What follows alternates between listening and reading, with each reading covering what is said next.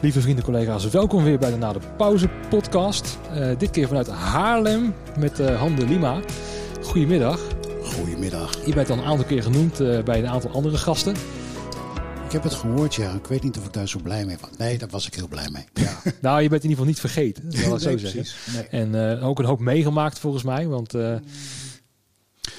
ja, ja. Hoe lang zit jij al in het vak? Ja, wat noem je het vak? Uh, ja, de live entertainment kant. Laat ik dan die uh, benoemen. Nou ja, ik ben natuurlijk ooit eens een keer begonnen als, uh, buiten het feit als mislukte muzikant, zeg ik altijd maar, maar als een, laten we zeggen, backline roadie, tourmanager bij het goede doel. Oké, oké. En dan praten we over, ik geloof 77. Dan praten we al over de kabeltijd, neem ik aan. Die was ja, ja bij, kabel was er ook bij, ja. Ja, ja. ja precies. Want in het kort, um, ik heb je leren kennen als zijnde uh, productiemanager, mm onder andere van Mojo. Ja. Uh, niet van Mojo, maar misschien wel als zijnde freelancer. Ja, inderdaad. Um, en ook voor een aantal andere partijen, maar vooral met, nou ja, ik moet dan aan Olita Adams denken, mm aan uh, Don McLean. Um, beetje die, die kant van, mm van, van de tak van, van sport. En Volgens mij was de allereerste keer, en dat is ook een quote die ik eerder heb verteld, maar dat was, of een van de eerste keren moet zijn geweest uh, bij Jiskevet. Ja. En het was ook niet via Mojo volgens mij dan? Nee, helemaal niet. Nee, nee, nee, nee. Dat was in 2010, dat kan ik me nog herinneren. Ja, klopt. Ik was nog echt jong broekje erbij. Mm -hmm. En, uh, nou, je had je naam mee, hè? Ja, want dat was het ding juist. Want uh, ik weet nog dat ik op een zaterdag vanuit Proton wat uh, instrumenten moest leveren. Mm -hmm. En de meeste de werk in het weekend niet, dus dat ging ik dan maar doen. Ja. Zo'n jonge hond. Dus nou, ik dan wat backline brengen. En nou ja, de eerste opmerking die ik destijds in de Heineken Musical hoorde. hey, van Binsbergen! Ja, nou, die opmerking. ja, precies. En toen kwam ik wel lekker binnen. En ja. nou, mijn ouders die waren al helemaal fan van Jiske Vet al van het vroeger. Dus mm -hmm. ik was daarmee opgegroeid. Um, dus ook aan mijn vader verteld. Nou, die waren natuurlijk weer trots dat ik dan weer uh, uh, ja. een mooie klus binnen had uh, geharkt, weet je wel. Mm -hmm. Dus ik daarbij. En, maar dat heb ik nooit vergeten, dat, die ene klus. Want dat, dat heeft wel een soort van stempel gedrukt of zo. zeker in die tijd op, op het begin van mijn carrière, om het zo maar mm -hmm. te zeggen. Maar ik, ja, ik weet niet. Het heeft wel veel met mij gedaan. Was het voor jou ook een klus die is blijven hangen? Of was het gewoon oh, een absoluut, van de... absoluut. Ja, ja, ja. Jiskevet was gewoon eigenlijk heel erg leuk. En, en uh, wat het bijzonder maakte is dat het, het, was een setting die ik eigenlijk ook niet zo goed kende. Ik bedoel, ik werd er via via werd ik er binnen gehaald van goh, wil jij dat doen? En ik had zoiets van, nou, dat lijkt me wel leuk. En uh, je, krijgt te maken eigenlijk met een soort verkapt tv-programma, want het ja. werd ook met tv geregistreerd. En um, daar zaten alle scènes in, daar zat, zat muziek in, enzovoort, enzovoort. Maar om nou te zeggen dat het echt een draaiboek was, dat was er niet. Terwijl het voor tv is een draaiboek heilig. Ja, maar ik bedoel, de mensen die het, laten we zeggen, opnamen, die waren ook bekend met het hele Jiskevet-fenomeen. Dus die wisten precies dat ze eigenlijk nergens op moesten rekenen. En gewoon ongeveer, er staat wel een volgorde van, van de dingen die er gaat gebeuren. Ze maar, hebben een idee. Een idee, maar inhoudelijk. Nee. Laat die jongens hun gang gaan en ze, ze gaan linksaf en rechtsaf. Maar er zit heel veel improvisatie bij. Ja, Oh, dat, dat, vond ik het mooie aan ook dat uh, project. Want er zat een live band bij. Mm -hmm. En was jij voor die live band ook aanwezig? Nee, in, in, principe niet. Dat waren eigenlijk vrienden van, van de mensen van Jiskevet. Ik bedoel, de meeste van hen die spelen nou in de analogs. Ja, wel Leon Klaassen volgens mij. Leon Klaassen, ja, percussionist, dacht en dat soort dingen. Ik bedoel, al die jongens die, die zie je dan bij de analogs terug. Maar ja. Het zijn natuurlijk hele goede muzikanten. En, maar die, die werkte regelmatig mee met, laten we zeggen, het hele Jiskevet verhaal. En het okay. waren vrienden van vrienden. Ja, ja, ja. En, en ik bedoel, dan, dan zit er ineens een, uh, ja, een, een, programma met, laten we zeggen, allerlei sketches en allerlei kleine dingen die uh, bekend waren voor het publiek. Uh, afgewisseld met muziek, uh, met aankleding, met danseressen en de hele rotzooi en vuurwerk en noem het maar op. Eigenlijk kwamen alle werelden uh, van live entertainment bij elkaar, had ik het idee. Dus je had live band, dus band, dus rock'n'roll. Mm -hmm. Je had tv, VPRO ja. waarschijnlijk volgens mij was het destijds. Ja, volgens mij is dat VPRO, ja. Uh, stukje theater. Je, Want in feite zet vrij je... groot stuk, ja. Ja, want je zet een theatersetting zet je neer in de Heineken Music Hall. Ja. In feite. Ja. Met verschillende scènes en, en dat soort zaken. Ja. En dat je eigenlijk dus drie dingen die normaal gesproken niet zoveel met elkaar te maken hadden. Want rock'n'roll is gewoon rock'n'roll. Hè, gewoon muziek. En tv is tv. Dat is Ja. een hele andere tak. En theater is eigenlijk ook gewoon... Ja, ook niet een van die twee. Nou, het heeft natuurlijk allemaal wel we- met elkaar te maken. En het, het, het is natuurlijk een hele mooie smeltkroes van, eh, van al die stijlen door elkaar heen. Ja, En dat maakt het bijzonder. Ja. En, en zeker de, de, de gekkigheid. En ik bedoel, ik weet nog, dat is eh, misschien een beetje een raar verhaal. We wilden eigenlijk een dag van tevoren gaan bouwen. Mhm. Omdat het nou, toch wel een behoorlijke ook technische productie was. Maar financieel kwam dat niet uit. Eh, dat was natuurlijk jammer. Waarop ik op een bepaald moment zei van... Nou oké, hoe laat kunnen we voor, op z'n vroegst naar binnen in de toen nog HMA? Nou, half vijf. Oké, dan gaan we om half vijf naar binnen. ja. Maar om, uit mijn hoofd... eh, om drie uur waren de camera-repetities. En er moest alles in gebeuren. En ik bedoel, het licht kwam van NOB af. eh, geluid, dat, dat was dan grotendeels. Maar dat Ja. moest weer helemaal bedacht worden.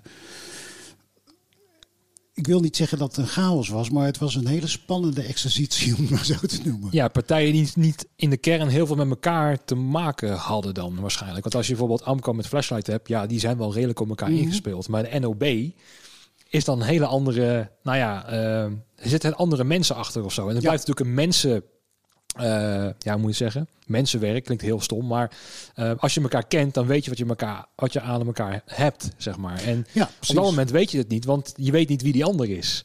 Nee, en, en ik bedoel, uiteindelijk, ik bedoel, de, de, de rekening werd bijvoorbeeld gedaan door vaste partijen van de, van de HMA, enzovoort, enzovoort. Alleen voordat het allemaal op zijn plek valt, ik bedoel, want dan kan je 20.000 keer zeggen van jongens, we gaan een podium, een verhoging maken voor het bandje daar. Dus misschien handig als je het licht daarachter gewoon als eerste bouwt, want straks kan je er niet meer bij. Ja, Nee, dus.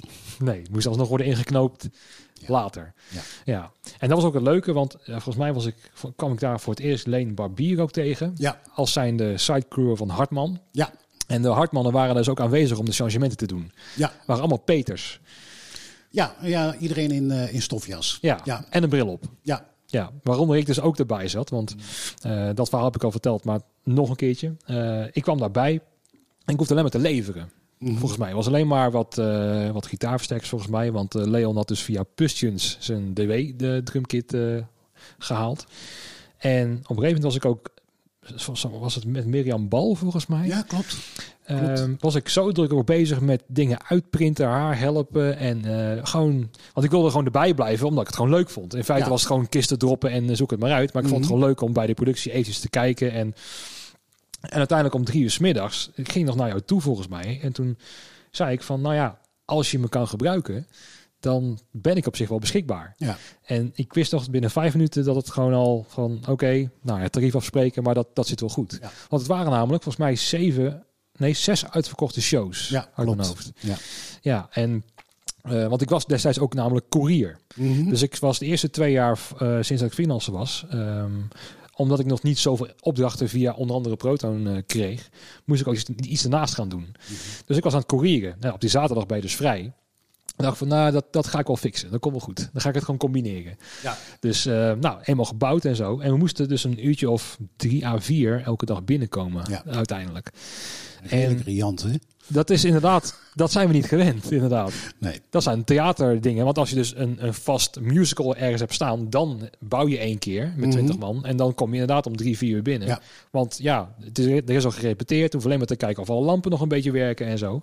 En je kan gaan. En ik wist al toen ik dat dus ja, voor mijn gevoel binnen had geharkt, dat ik daar wel zoals van, nou, zie je wel, ik, ben, ik kan wel ondernemen. Ik, ik- dit, dit, gaat- dit gaat wel goed. Ik dan heb ging- mezelf verkocht. Nou ja, maar zo, zo, Ja. zo dacht je er wel over na. Want ja, je bent toch zeker in het begin als freelancer. Dan probeer je alles aan te nemen en je weg te vinden in wat je, Mhm. hè, welke kant je op wil. En ehm, ja, ik was daar wel trots op. eh, Of zo, weet je wel. En het jaar daarna ook hadden we dan weer Jiske Vet, volgens mij. Klopt. Met nog Ja. een extra uitverkochte show. We waren er zeven Ja. destijds. En dat was ook een soort van vast clubje aan het worden, voelde het wel of zo. Nou ja, ik bedoel, eh, Leen en zijn vriendjes, die waren natuurlijk ook weer bij de, de, het jaar erop. En, en eh, toch gewoon een beetje dezelfde ploeg mensen erop. Ja.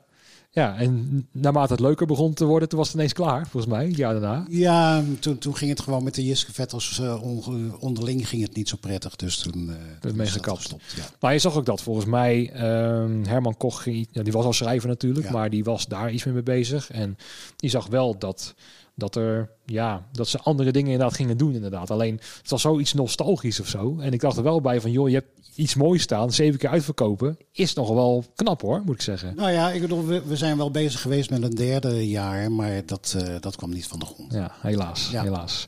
Laten we teruggaan naar het, het goede doel. Want uh, daar ben ik wel heel lang geleden. Ja, dat, dat is heel lang geleden. Uh, sterker nog, ik ben als een kist van het goede doel nog tegengekomen. Oh, bij, dat kan wel kloppen. Ja. ja. ja met of een Peewee of een JC160 voor mij erin. Ik, ik weet niet meer, maar echt een uh, oud bakbeest. We kwamen niet verder dan de JC120. Oké, oké, ja.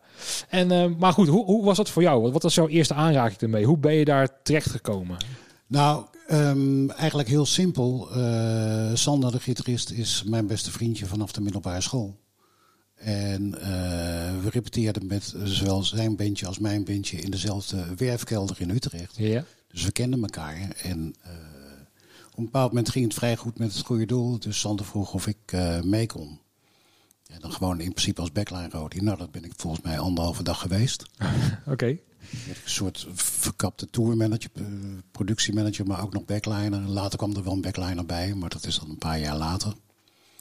En ja, we, we, deden daar af en toe van die, van die, uh, van die feestlocaties van uh, 3000 man in Den Helder en zo. Uh, dat, dat soort dingen. Was het echt feesttentachtig? Want...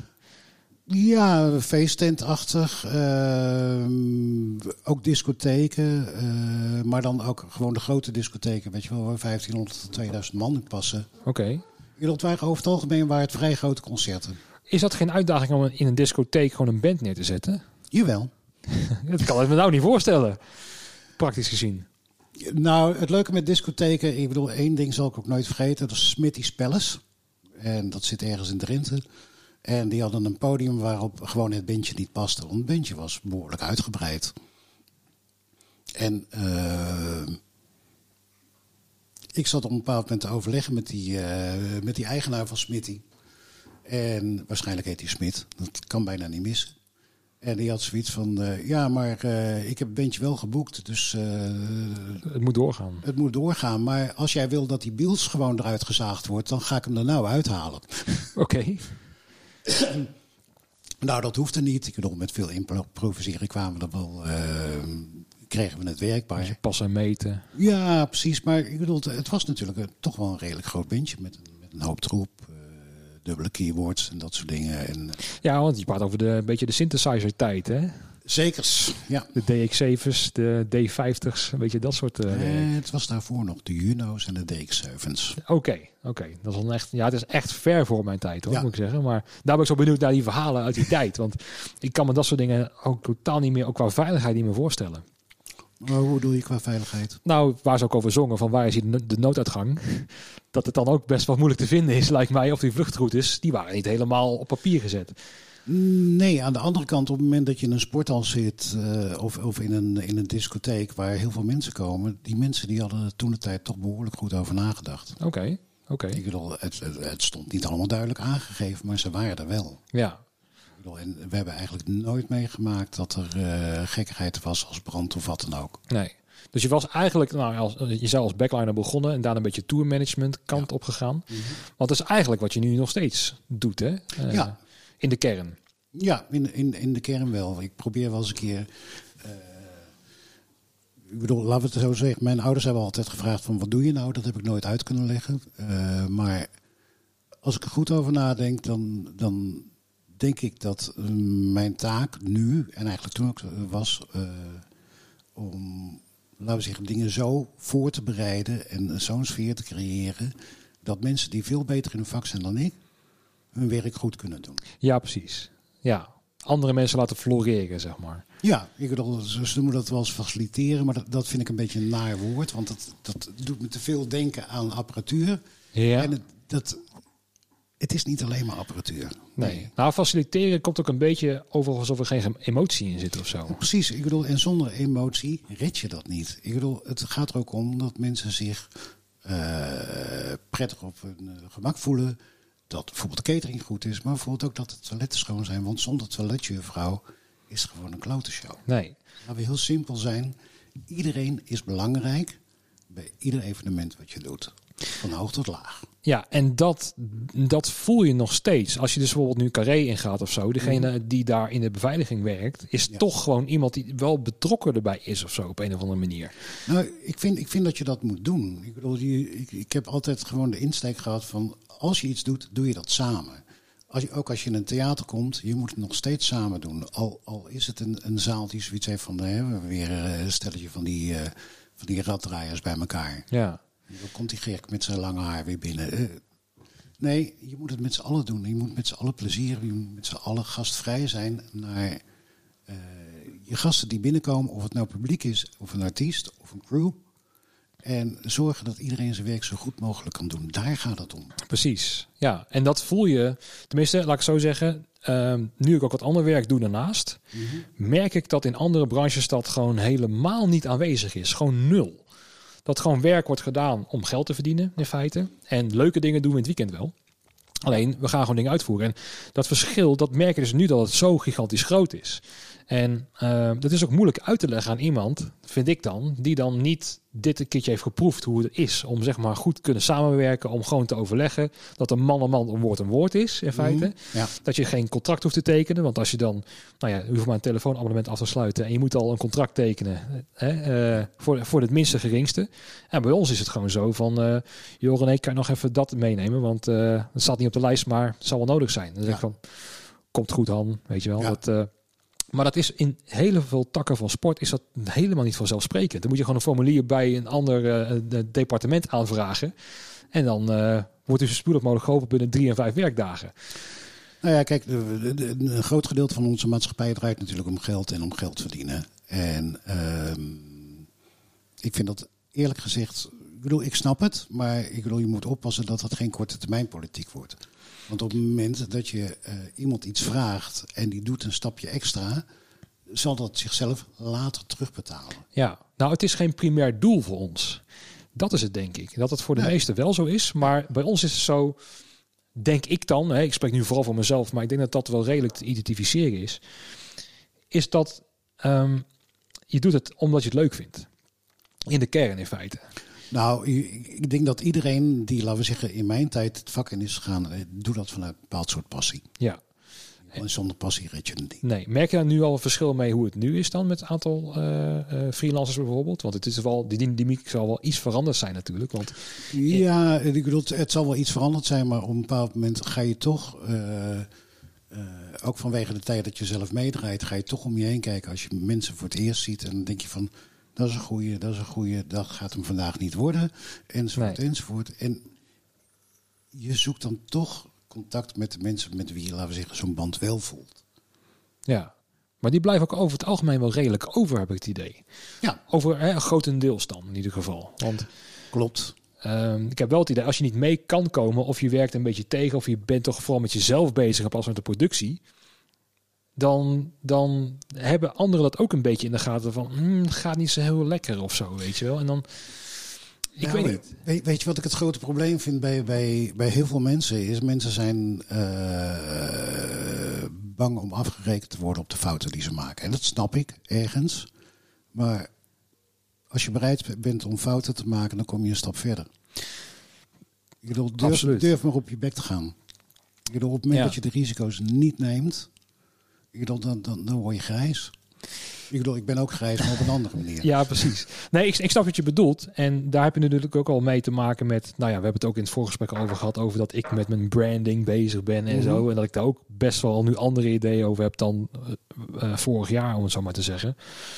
Um, maar dat, daar komt ook een stukje ego bij kijken natuurlijk. Van het is, hè, je bent ergens trots op. En als dus die trots wordt aangetast doordat je iets fout doet... Ja, dan... Kijk, er is ook, aan de andere kant zit ook een soort stukje perfectionisme in. We willen alles zo goed mogelijk doen in feite. Ja.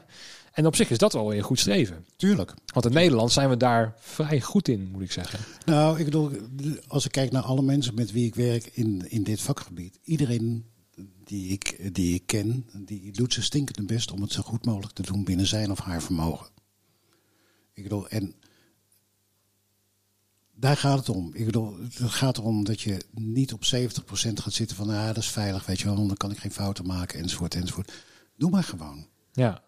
Doe maar gewoon, wees jezelf. En, en op het moment dat je gewoon miskleunt, ja, bokken, kleun je mis. Ja, ja, dat is zo, ja. Maar toch voelt het dan, ik bedoel, misschien heb jij dat dan ook. Want eh, als stel dat jij zo'n fout maakt of zo, of in het verleden Ja. of nu, Mhm. ehm, kan je dan wel goed op reflecteren? Dat je dan denkt van, nou ja, kan gebeuren, ik heb het niet wel geprobeerd. Nou, over het algemeen, ik bedoel, want natuurlijk maak ik fouten. Ik bedoel, ik leer, elke dag leer ik nog bij. Maar op het moment dat je, dat je een fout maakt, dan heb ik meestal achteraf dat ik gewoon met zo'n grimas naar mezelf kijk in de spiegel zoiets van, eh, die was knap stom. Ja, ja. Nou, en dat is ook heel belangrijk, denk ik, om dat te hebben. Ook, ook zoiets van, ik wil niet dat het me nog een keer overkomt, maar waardoor is het gebeurd? Hoe, is, hoe heeft dat kunnen gebeuren? Wat heb ik losgelaten? Eh, en daar moet je van leren. Precies. Zo simpel is het. Ja. Ja, ik heb toch het idee dat in, zeker in andere eh, takken van sport, dat, dat, dat die reflectievermogen of zo. En ik ben ook heel algemeen aan het praten hoor, maar het is Mhm. gewoon meer de feeling. Want ik denk namelijk ook dat, kijk, want nu lopen er heel veel mensen weg in feite uit de branche, omdat er gewoon Ja. geen werk is Mhm. op dit moment. Maar toch, want er zijn heel veel mensen bang. Hè? Want ik had ook eh, de podcast van de machine geluisterd eh, Ja. van de week, van, eh, ook van eh 3 voor 12. En had, was me, iemand van Van Ham Tenten. Hè, dus de, bijna de grootste leverancier qua tenten volgens mij in Europa. En die zei dus dat hij op een... in, in september was volgens mij. liepen er 150 man per dag rond. Freelancers, mensen in vaste Mhm. dienst. Om dingen voor elkaar te krijgen. Ja. Ehm, hij zei, de helft daarvan is weg. Die werkt of in de bouw of eh, waar dan ook. En in september dreigt het nu een hele extra drukke maand te gaan worden. Omdat het dan schijnt het, het redelijk te gaan mogen, denken we. Of in ieder geval, Mhm. ze gaan wel richting die kant op plannen. En toen zei hij van ja, zo meteen heb ik 200 man nodig. Terwijl er maar 75 beschikbaar zijn. Want de helft is weg van die 150. Die kans zit erin, ja.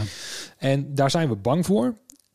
Ik denk ook van, nou, om, die mensen weten best wel, ehm, denk ik dan over het algemeen, hoe het is om in onze branche te werken. Hoe, hoe, hoe, de- hoe fijn dat is, die samenwerking en hoe, wat die dynamiek is en die passie. En dan kan je nog beter verdienen in een andere, eh, ja, andere tak van sport. Hè? Mhm. Of in de bouw of waar het ook is. Maar toch denk ik dat op langere termijn dat de passie het toch weer een beetje gaat winnen misschien.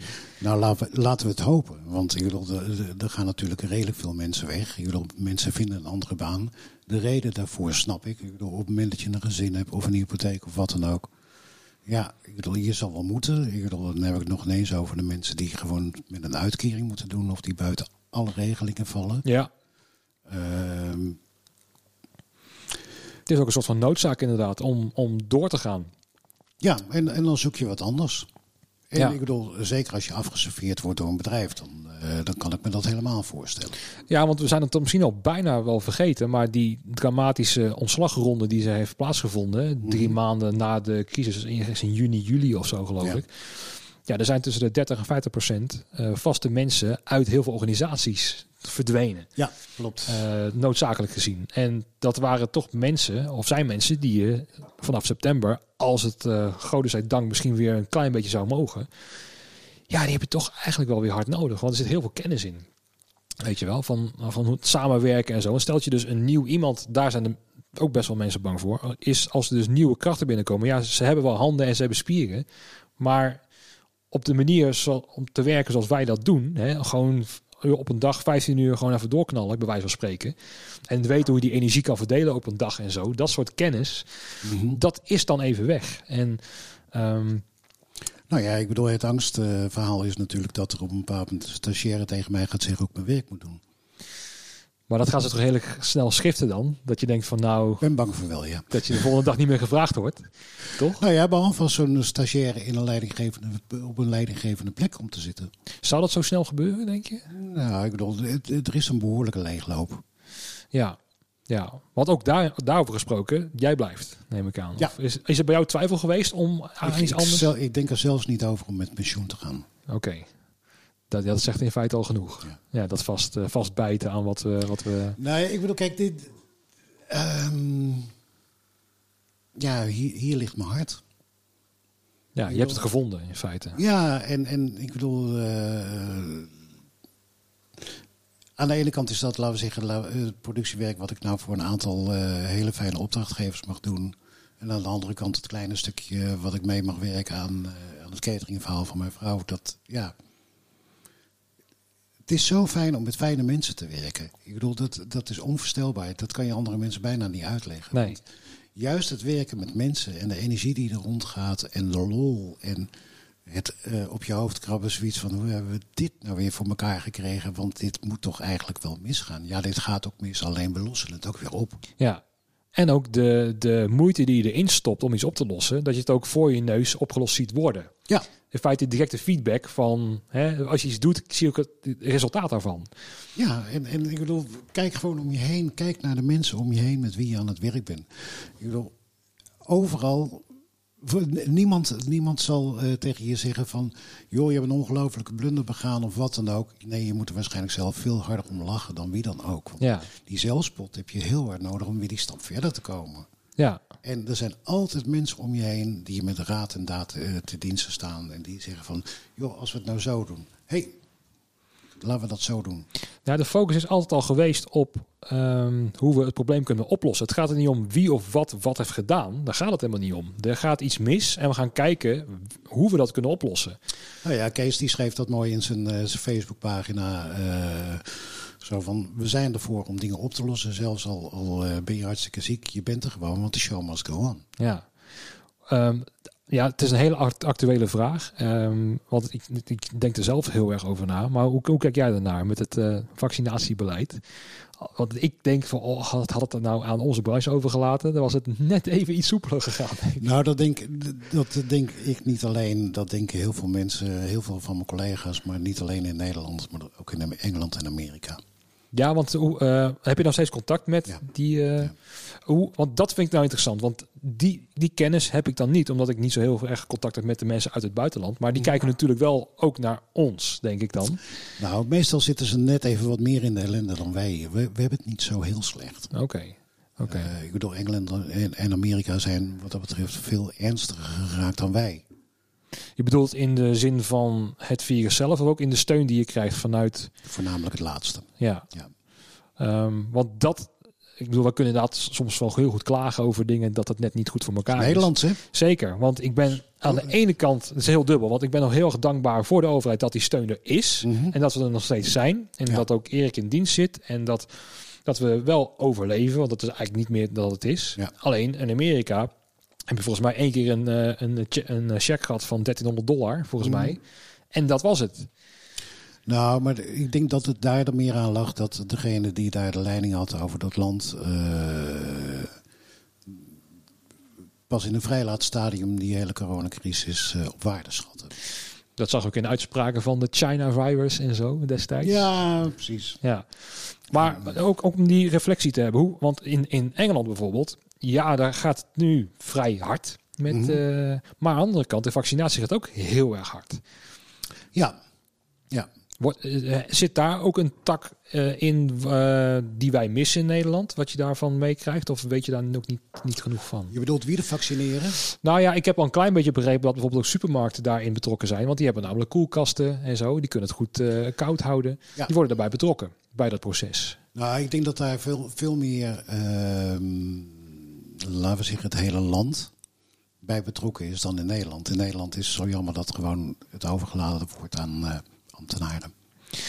Die ook tien jaar lang soort van zijn wegbezuinigd. eh Ja, ik bedoel, nou goed, er is wel meer wegbezuinigd in Nederland, maar eh, waaronder een aantal IC-bedden.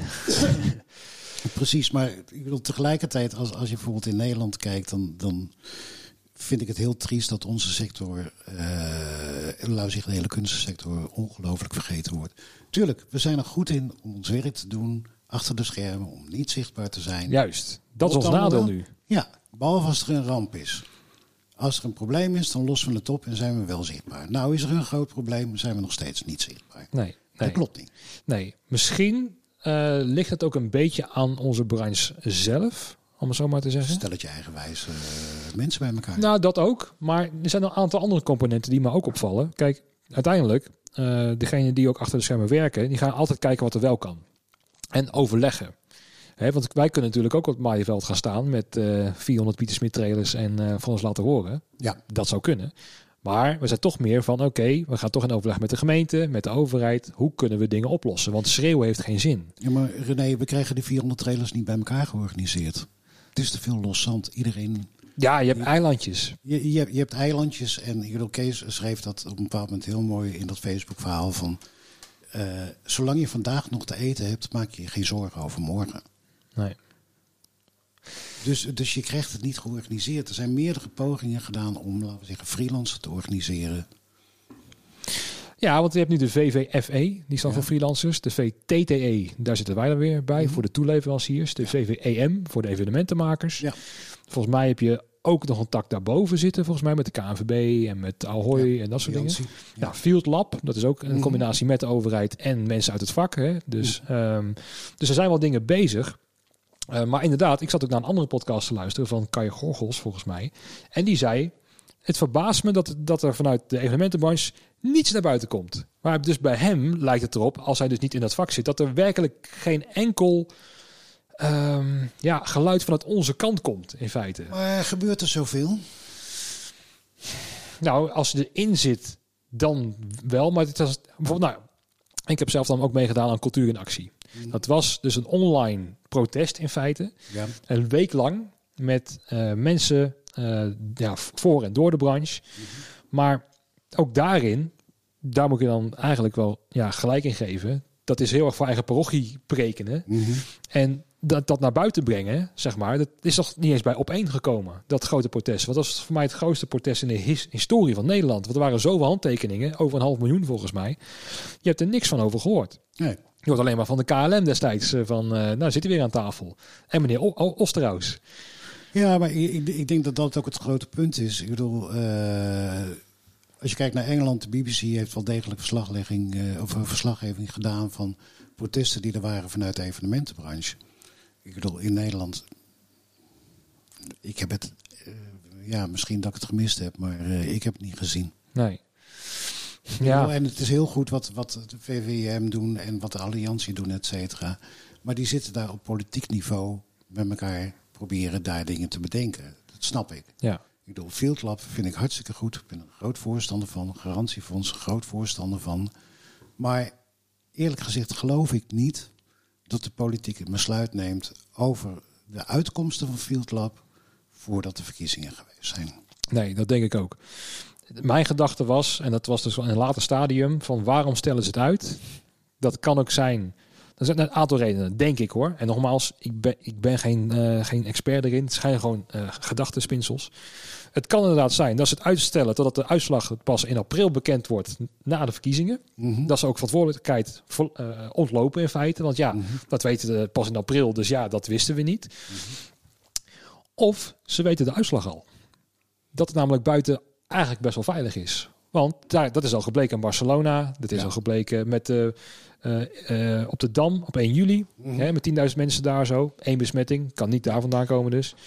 Um, dat misschien al heel veel onderzoeken uitwijzen dat het buiten en misschien ook in theaters ook al veilig is.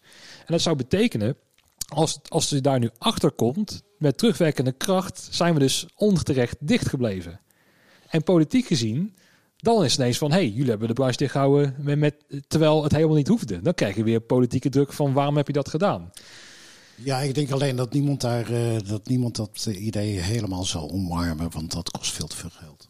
Ja, dat klopt. Dat klopt. En dan kan je het beter gewoon uitstellen, uitstellen, uitstellen. En nou ja, het uh, Engelse virus is in het, uh, in het land. Ja, en dat snap ik eigenlijk niet. Zal het toch een brexit? Hou het dan lekker daar. Ja, en hoe kan die hier komen als er niet gevlogen kan worden? Ja, het was toch al eerder. Tuurlijk, tuurlijk. Maar dat geldt eigenlijk ook voor het hele virus over het algemeen. Wat je ook hebt gedaan, het komt toch wel deze kant op. Ja, precies. Ik bedoel, we hebben er nou mee te maken. En uh, goed, die derde golf gaat er al dan niet komen. Waarschijnlijk wel. En ja. enige wat je kan doen is gewoon afwachten en proberen zo verstandig mogelijk te leven. En natuurlijk, ik mis alle mensen. Ik mis al mijn vriendjes en vriendinnetjes en gewoon de energie en de lol van het werk. Maar het is even niet anders. Ja, en je doet er ook niks aan. Nee, nee. Ik, Weet je? Ja, nu even erover praten en nu gaat het er even over. En ik zit ook in mijn hoofd van, oké, je moet niet al te veel weer daarover hebben, want je hebt er niet zoveel aan. Af en toe is het wel lekker om eventjes dat te uiten natuurlijk. Ja, tuurlijk, tuurlijk. Maar uiteindelijk, ja, ik, ik, ik kijk er meer met verbazing naar de wereld in feite, van waar we in zijn beland in godesnaam. Nou ja, niemand had dit verwacht, hè? La- laten we heel eerlijk zijn. Ik, bedoel, eh, ik had ook in eerste instantie zoiets van, nou, een paar maanden, dan zijn we er door. Ja, Eh, en op een bepaald moment werd zoiets van, "Hmm, dit jaar gaat het niet gebeuren.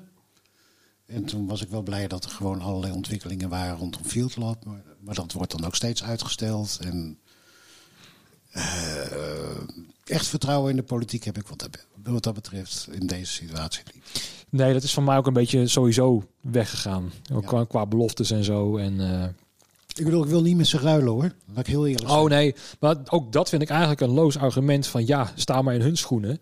Ja, sta maar in mijn schoenen.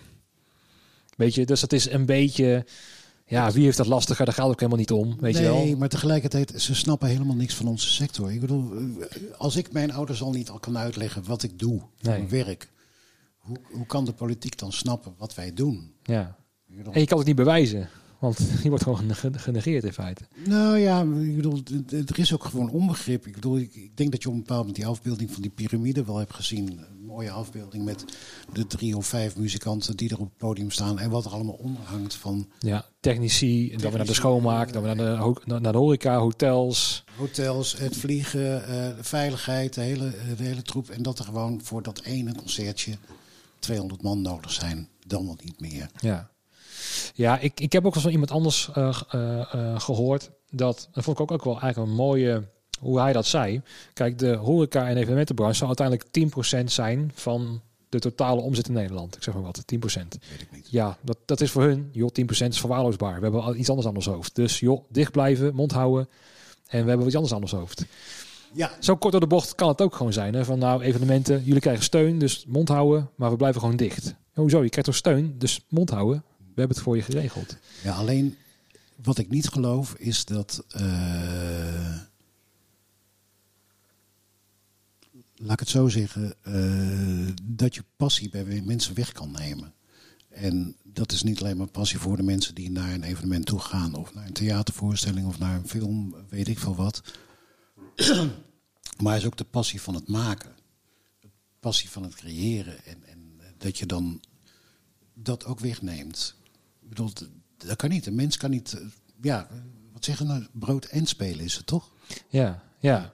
Nou, wat, wat ook Kees daar mooi zei, is van je, je bent het in feite. Het is een deel van je identiteit. Of het, het Ja. is je identiteit. Want ook je hele leven, je hele ehm, werkschema, je hele tijdschema Mhm. hangt om die evenementen heen. Ja, Want het evenement is wanneer die is. En hij is klaar wanneer die klaar is. ja. En dan moet je je hele leven in feite op aanpassen. Want geen ene week is hetzelfde. Nee. Werkelijk geen ene week. Nee. Dus dan moet je eigenlijk daar zo flexibel in meegaan als zijnde persoon. Dat je, ja, daar leg je ook inderdaad al je ziel en zaligheid in. En al je tijd in. Hè? Ja, wij- ik bedoel, bij, eh, bin- binnen onze branche kunnen we gewoon niet zeggen van... sorry, die vaccins komen niet, eh, want we hebben een productieprobleempje. Nee, dan, zit, dan gaan we dat oplossen, dat productieprobleem. Precies. Ja, en ja, ook daarin, ik laat het ook gewoon los. Eh, want er zullen ook wel heel veel dingen on, achter de schermen daar gebeuren waar wij niet eens vanaf willen weten wat er gebeurt, denk ik. Dat Ja. heel veel wordt afgeschermd, maar je hebt er ook helemaal niks aan. Maar ja, goed. Ook in het begin toen, want ik ben ook wel benieuwd naar, naar het begin in maart, toen we dus in lockdown gingen. Wij hadden toen ook contact met elkaar, omdat Olita, Olita Adams op zaterdag zou gaan repeteren Ja. in de Pul in Uden uit mijn hoofd. Nee, in Os, in de In Lievekamp. Ja. Daar zou ze gaan repeteren. Dus we hadden, we hadden heel veel contact met elkaar. Mhm. En met Gregory Porter, die nog even tussendoor kwam in de Ziggo Dome. Ja. Hoe was het voor jou om dan ineens vanuit, nou ja, voluit, voluit in productie, eh, eh, in de productie te zitten, om dan ineens tot stilstand te komen en ja, kijken wat er gebeurt? Hoe was dat voor jou op dat moment? Nou, in eerste instantie moet je problemen oplossen. En dat hebben we ook gedaan. Want eh, ook in overleg met Mojo wel zoiets van... jongens, we moeten wel weten waar we aan toe zijn. Want vrijdagochtend vertrekken Olita en de bandleden naar Nederland. En wat gebeurt er als ze niet meer terug kunnen? Ja, want daar is ook mee te maken dat, het, dat de, de, de grenzen dicht gingen. Ja. En zeker vanuit Amerika volgens mij. ja, een van de eerste. vluchten werden, eh, werden niet meer toe, die, die werden eh, geweerd. En uiteindelijk viel dan donderdagmiddag, eh, dacht ik, de twaalfde, Ja. viel die beslissing. Klopt. En toen konden we gewoon op dat moment zeggen van oké, Olita, John, James en John, jullie blijven daar. Het gaat niet door. Eh, ondertussen was Gregory Porter, die zat in Duitsland, waar al een paar shows gecanceld waren. En die moest wel terug naar Amerika. Dus die was in Europa. Nou, uiteindelijk is die, voor zover ik weet, via Parijs en IJsland teruggekomen in Amerika. Oké, hij is er nog niet wel gekomen gelukkig. Hij is er wel gekomen, maar daar, daar moesten gewoon heel veel mensen aan heel veel touwtjes trekken en gewoon dingen regelen. En Ja. grote paniek. En, en jij moest ook dingen regelen dus in die tijd. Tuurlijk, tuurlijk. Ik bedoel ook dat soort dingen als de beslissing van, van wat, wat, wat gaan we doen met eh, Olita en de bandje. Eh, bedoel, het was in mijn belang ook om te zeggen van het gaat mij om die veiligheid van die muzikanten. Want Ja, nogmaals, ik probeer de voorwaarden te scheppen dat iedereen zijn dingen goed kan doen waar zij goed in zijn. Zij zijn goed in optreden, maar als dat betekent dat ze niet meer terug kunnen naar huis, nee. doe ik het niet goed. nee, precies. En uiteindelijk is dat ook allemaal goed gekomen. Het komt altijd goed natuurlijk, hè, Ja. als, wij, eh, eh, als wij iets doen. Ehm, maar ja, gewoon, hoe was die beleving voor jou? Die eerste week, die eerste twee weken, toen we dus, nou, even dicht. Eh, heel veel regelwerk neem ik aan, thuis zitten. Want je moest vanaf thuis werken, maar dat kan als productiemanager, kan dat wel, Prima. neem ik aan. Ja. Als backline bedrijf is dat net even een andere koek. Mhm. Want ja, dan moet je fysiek aanwezig zijn om het drumstel te pakken of weer terug het magazijn te zetten. Ja. Dat is anders. Maar ik, toen de tijd nam ik het heel serieus. Dus ik bleef ook thuis. En ik was ook vrij, nou angstig wil ik niet zeggen, maar ik nam het wel heel serieus wat er werd verteld eh, door de overheid. Van nou, Tuurlijk neem je het serieus, eh, maar eh, in eerste instantie was alles erop gericht om alle evenementen die gecanceld zouden worden tot, laten we zeggen, in juni, ja, om daar een goede afhandeling van te vinden. Ik bedoel, mensen te informeren, eh, je, je toeleveringsbedrijven, de mensen die je ingehuurd hebt, enzovoort, enzovoort. Van jongens, dit gaat hem niet worden tot 1 juni. nee. Nou, sterker nog, in de eerste week ging het om twee, drie weken. Ja, Dus niet eens tot 1 juni. Het was echt gewoon die eerste twee, drie weken werden gecanceld. ja. En ik kan me wel voorstellen dat je, stel je bent uh, Tivoli Vredenburg, je bent Carré, je bent nou ja, Mojo bijvoorbeeld, met al die concerten die daar sta, Mhm. klaar stonden. Om dan al die, al die bandjes die in die drie weken staan gepland, om dat zeg maar om te boeken en te cancelen en dat soort dingen. Want toen werd het ook netjes door Mojo, moet ik zeggen, een schema gemaakt. Nou, dit wordt gecanceld, er wordt verplaatst naar Ja. dat volgende schema. Dus Ja. dat zag er allemaal heel goed uit. En, ehm, en ook hoe snel ze daarin kunnen schakelen. Weet je wel? Dat was ik ook verbaasd over. Van jezus, dat zijn we ook tot in staat. In feite om al die gaatjes weer op te vullen met wanneer wat weer kan. Nou, ik bedoel, wat dat betreft heel veel complimenten voor alle boekers en voor, voornamelijk ook de boekersassistenten die verschrikkelijk veel werk hebben gedaan Ja, die tijd. Ja. Ik bedoel, want, want, ik bedoel, het is een pokkenjob. Ik bedoel, tegen iemand gezegd van sorry, het kan niet, doen we eens een nieuwe datum en dan weer overleggen met de agent van kan die dan wel, kan die dan niet, enzovoort, enzovoort. ja zijn de theaters dan weer vol? Zijn Weet de je theaters vol? Ik bedoel, de, de, de, hoe heet dat, de programmering loopt alweer en wat, wat doe je eraan en waar zit die dag?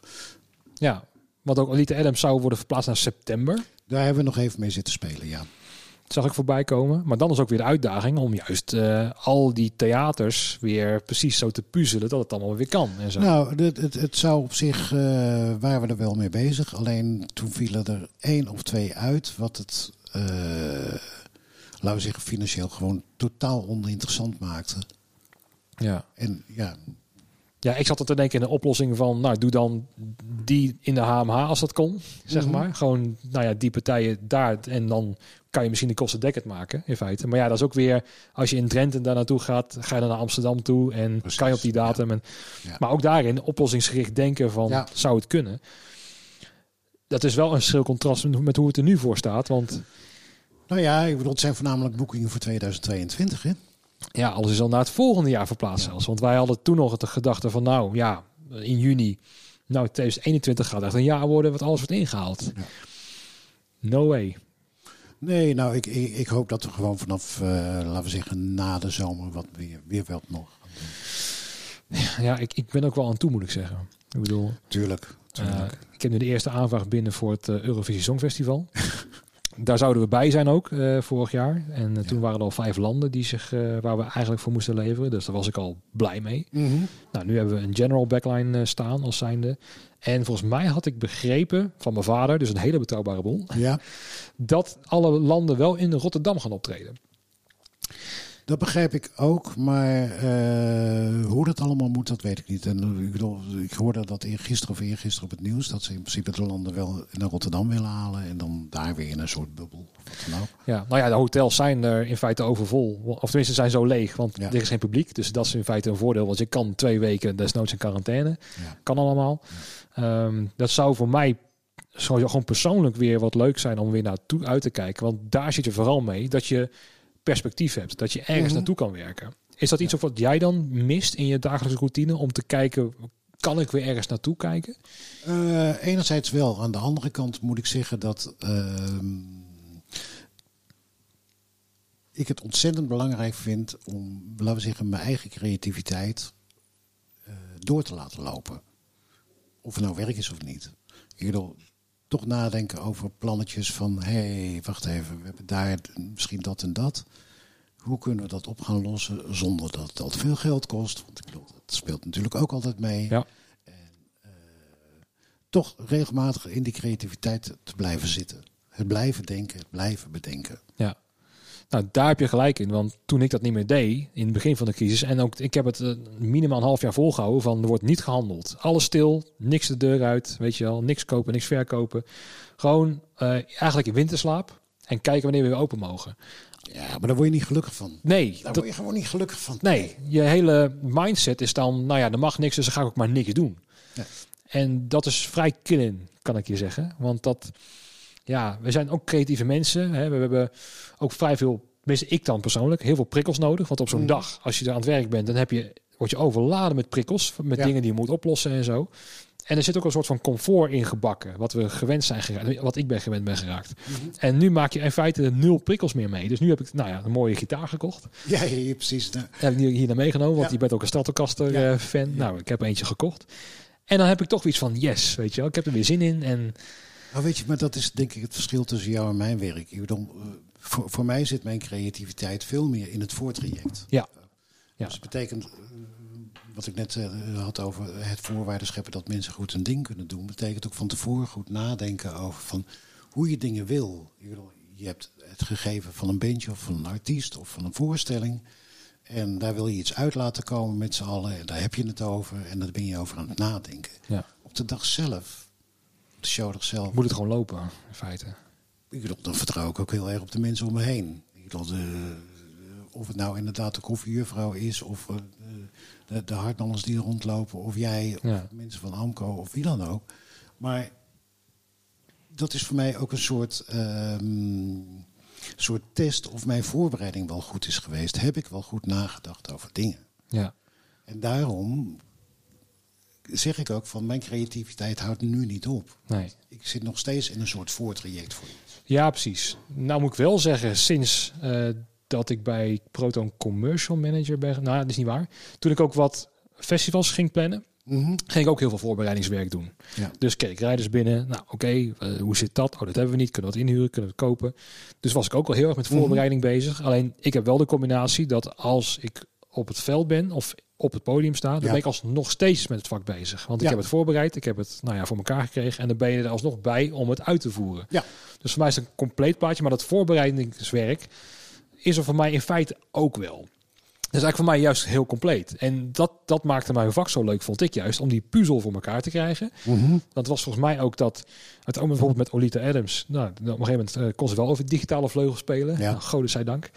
um, uh, maar heb ik voor elkaar gekregen. Maar toen miste ik weer bij Gregory Porter weer volgens mij iets wat in de set van Olita Adams zat. Volgens Ja, dat staan, zou kunnen. staan iets Dat van bij. kunnen. Maar om dat ook weer te gaan puzzelen, om ja, ga ik het kopen, ga ik het huren, weet je wel. Ja. Die spanning en dat, dat, dat speelveld, dat vond ik zo ook zo leuk. Dat, dat Ja, voorbereidingswerk. nee, Tuurlijk, ik, ik bedoel, ik, ik vind voorbereidingswerk dat. dat uh, dat vind ik op zich vrij tastbaar. Weet je wel, van je hebt een rider of wat dan ook. En je bent aan het voorbereiden. Je kijkt waar je je dingen vandaan kan halen. Voor mij zit er een, een, nog een soort laag onder. Oké. En die laag daaronder is meer zoiets van: oké, okay, we gaan een toertje met Tolita doen. mm, wat wil ik ermee? Wat, wat wil ik qua sfeer? Oké, oké. Wat, Ja. wat wil ik van eh, hoe we met elkaar omgaan? Wat is daarvoor nodig om dat goed te doen?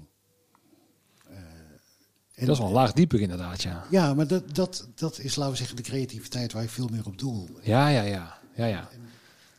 Ik zit veel meer in het praktische en jij zit Ja. veel meer in, de, in het gevoel en de sfeer. Ja. voorbeeldje van, van in 2017.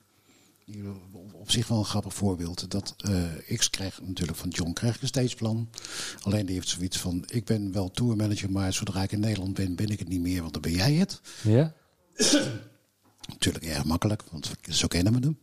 En dan zegt hij eh, van, ik heb hier een stageplan. En dan zeg je van, nou, ik wil het toch anders doen. Ja, wat denk je dan? Ik zei van, ik wil die drie backing vocals uit elkaar halen. Mhm. Hmm. En dan praat ik met de mensen die de back- backing vocals doen. En zoiets van, ik wil jullie eigenlijk met z'n drie uit elkaar halen. Want dat ziet er gewoon goed uit. En dan heb ik het idee dat het veel meer gaat spreken. Ja, ja. En ja. dan zegt Lodewijk, eh, natuurlijk een schat van een man. Zoiets van, nou, dat hebben we nog nooit gedaan. Maar dat vind ik wel spannend. Ik ja. ben benieuwd. En het werkt. ja.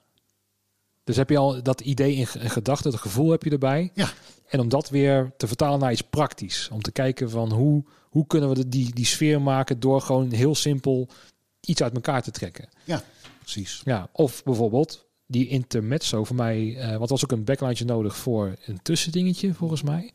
Maar daar zit ook dan mee, neem ik aan. Want ik had dan eh, bijvoorbeeld, moest dan een, eh, een djembe voor mij komen Ja. met een djembe stand. Ja. Nou, had ik ook een gloednieuwe Gibraltar gekocht. Ik denk, nou, die oude stagge dingen, dat kan niet meer. Had ik een nieuwe gekocht.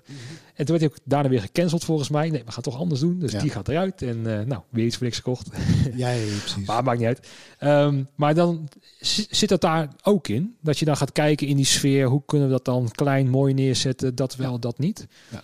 Ook op instrumentenniveau. Dat je al gaat overleggen. Nou, de, de, dat, dat instrumentenniveau, dat hadden ze zelf al, want dat deden ze af en toe wel eens een keer. Eh, alleen had ik wel zoiets van, ja, maar ik wil het wel klein. Ja, maar dan kunnen we dat vlak voor, kunnen we wat, de, de lijn van de backlight doen. Nee, waarom niet voor op het podium? ja. ja, precies. En gewoon daarover blijven praten. Ja. Een ander voorbeeld wat ik ook regelmatig aanhaal is van, we deden op een bepaald moment met eh Beth Hart een show in de Ziggo Dome. En wat gebeurt er met schermen? Mensen hebben allemaal van die IMAX-schermen links en rechts. Ik vind het foei lelijk. Mhm. Want ik ga ervan uit van, het gebeurt daar op het podium.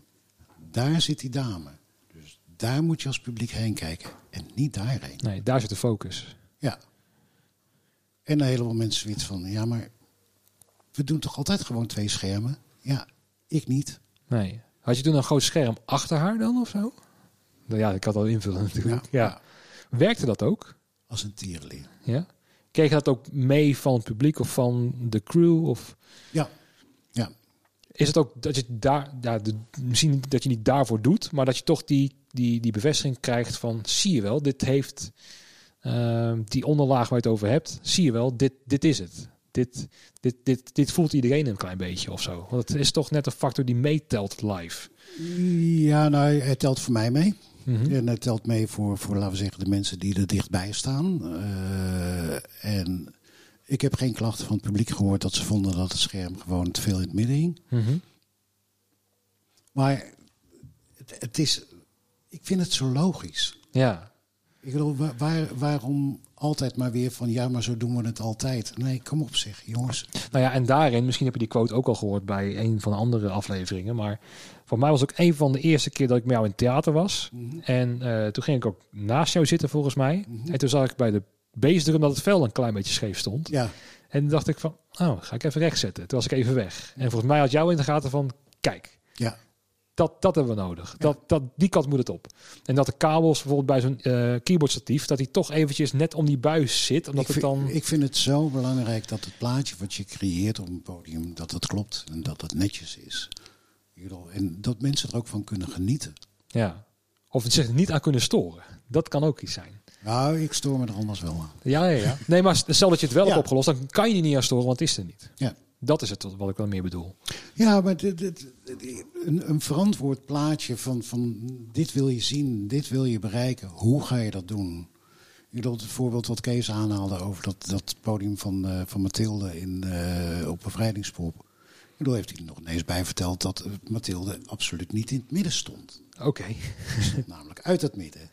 Ja. En het leuke aan het verhaal was dat eh, ik had het bedacht en ik ben naar Wim Smies gegaan, toenmalig eh, de, de baas van Stageco. En gezegd van, dit is wat ik wil. Kan dat? En dat hij dan alleen maar reageert van, oeh, dat is wel een lastige. Maar waarop ik zei van, mooi, het is dus mogelijk. Ja. Was het. Ja. Ja. En, en daar geloof ik in. Van, van, op het moment dat je een heel duidelijk beeld hebt, van, breng het naar voren en waarom zou het niet kunnen? ja. Probeer dat maar gewoon eens een keer even niet te bedenken. En, en toen de tijd was het ook zoiets van met dat podium, zoiets van, we hebben het één keer geprobeerd, zoiets van, ja, als we dat nog een keer proberen, dan loopt hij van, eh, van zijn route af. Mooi, dan doen we dat niet meer. Nee. En dan wordt het straks maar in één keer goed. Ja. Het komt van mij een beetje over alsof je... eh, het, het is meer kunst. Want je hebt een idee in je hoofd. En hoe gaan we dat vertalen op een canvas? Ja, kunst vind ik een groot woord, maar het is, het is, eh, eh, het is net even wat creatiever denken. Ja. wat, wat ik heel erg probeer, is heel erg vanuit publiek denken. Mhm. Ik, bedoel, ik ga naar een voorstelling, wat wil ik zien? Ik bedoel, ander raar voorbeeld van, van Beth Hart, laatste keer in de AVAS. Ik bedoel, waarom staan de stoelen allemaal rechtuit Mhm. In een zaal bedoel je? in de zaal? Oké, ja. Ja, dat wilde ik niet. Had je het iets meer in een V-vorm richting het... eh, Ik had hem gewoon eh, schuin gezet. Gewoon de, de, de, de voorste stukken en zelfs een gedeelte gewoon rechtop. Want het podium zat, was half rond Ja. naar voren. Mhm. En natuurlijk krijg je daar weer werk op. Van waarom wil je dat zo? Dat doen we toch altijd anders? Ja. Ja, Out of the box denken jongens, kom op. Nou ja, en als je over een theater gaat nadenken, zit het ook wel een soort van... Tuurlijk. Je, Niet voor niks. Je, je wilt toch gewoon dat mensen gewoon naar een voorstelling gaan en dat het, het, het centrale punt van hun aandacht, dat je daar naartoe kijkt. En ook dat de feedback van het publiek richting dat centrale punt gaat. Tuurlijk. Van het cabaret is dan zo dat dan de lach richting het centrale punt van, Ja. van die ene gaat die op het podium staat. Ja. Ja, He- hele, hele simpele dingen, maar zoiets van, kom op jongens, ik bedoel, zo moeilijk is het allemaal niet. ja, en als ik dan nu dit weer vertaal naar andere branches waar het gewoon, eh, weet je wel, als je een idee hebt, moet je het eerst even indienen in de ideeënbox en dan gaan we erover nadenken. En het, eh dan zien we dan wel weer. En wat is het voor, voor vrijzinnige onzin? Moet gewoon aan het werk. Ja, Dan is dit, maar dat, dat maakt het juist leuk, toch? Neem ik aan. Dit, dit soort dingen. dat, dat is voor mij de passie in dit vak. Ja, ja. Ik bedoel, dat, dat vind ik het leuke, dat je op een bepaald moment zoiets hebt van...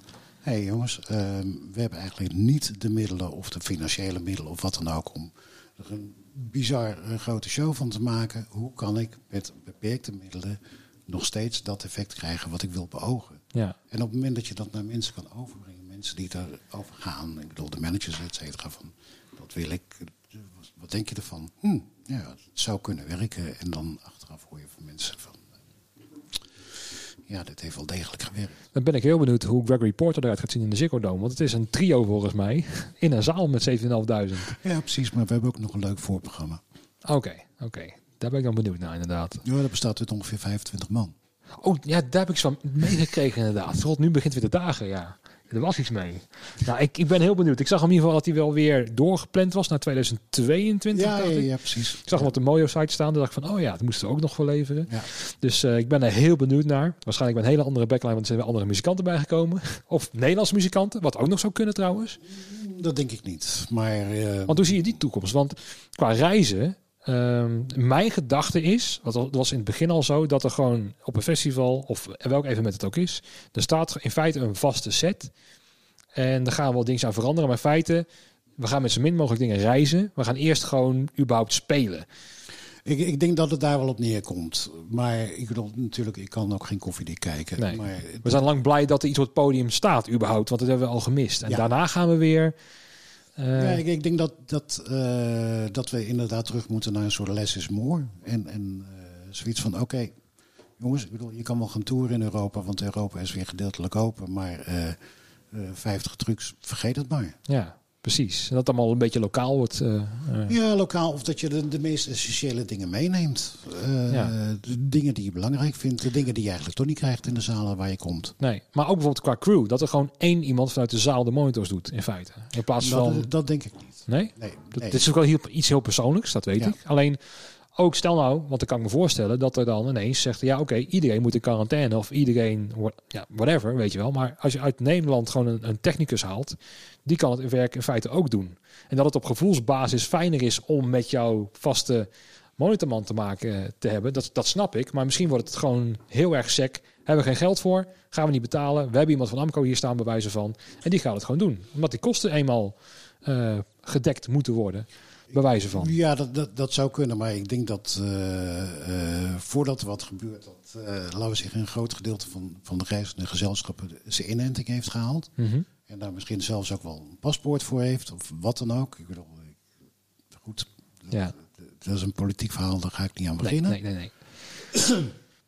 En um, dat er misschien ook wel quarantaineregels zijn, maar dan ga je gewoon inderdaad uh, tien dagen in quarantaine en ga je daar naartoe ja. door de landen waar het wel mag. Maar mensen zullen heel goed nadenken, tenminste toe in gezelschappen, van wie ze mee gaan nemen. Ik bedoel, muzikanten kan je niet thuis laten. Dat is een beetje lastig als dat bij het bandje hoort. Ik bedoel, ja. je, je frontofoudersman, je monitorman, je backliner en, en uh, je lichtman waarschijnlijk ook. Maar op het moment dat iemand 46 personal assistants heeft, dan zullen er vast wel een paar thuis blijven. Precies. En dan ben ik benieuwd naar de, bijvoorbeeld de headliners, bijvoorbeeld op de grotere festivals, hoe dat mhm. zal gaan. Met inderdaad 20 trucs aan, uh, aan eigen meuk. Wat ze me, en trouwens met die Brexit ook nog erbij, want vaak kwamen dingen uit Engeland. Mm Ben ik heel benieuwd. Want als de regel blijft dat je als vrachtwagenchauffeur één keer per maand moet melden in Engeland weer, wat voor mij nu zo is, wordt het heel erg uh, lastig, denk ik. Ja, ik bedoel, de, de Engelsen die ik erover spreek, die hebben het echt, echt uh, over van het is gewoon een drama. Ik bedoel, het, is een drama. Je, je kan je dingen gewoon niet doen. Nee, je kan helemaal geen tours plannen, want het gaat gewoon nee. praktisch niet. Nee, ik bedoel, die Brexit die speelt natuurlijk behoorlijk bij mee. Maar ik bedoel, kijk, tijdens corona, uh, totdat iedereen ingeënt is, uh, dan zal er niet zo heel veel gebeuren. En op het moment dat iedereen ingeënt is, zal er vast wel weer, wel weer wat gebeuren. Maar het zal, naar mijn idee, gewoon teruggaan naar less is more. Ja, waar ik op zich ook niet zo heel erg uh, rouwig om ben. Oh, de, ik, ik vind dat een heel goed plan. Ja, tenminste voor de beginfase. Want uiteindelijk gaat het weer ontploffen over drie, vier jaar. Dan zal het denk ik weer op het oude niveau zijn. Is denk ik wel mijn verwachting. Want we wennen heel snel aan dit, maar uiteindelijk wordt het weer allemaal opgerekt richting. Uh, want stel nou dat bijvoorbeeld Lonens zegt wij doen het zo, maar diegene daarna een pukkelpop zegt nou bij ons mag het wel. Mm Dan gaan dat soort belangen ook weer meespelen. Dan komen ze niet op Lonens en wel op pukkelpop. En dat we, kan weer niet. Concurrentie, dus bewijzen van. Hè? Ja, ik bedoel, dat, dat is zo koffiedik kijken. Ik bedoel, waar, het blijft allemaal gissen, ik weet het. Waar, waar ik het meest naar, naar zit te kijken is af en toe van... dan zie ik af en toe wel shows in de Ziggo Dome... en dan denk ik van, ze lijken wel verdacht veel op elkaar allemaal.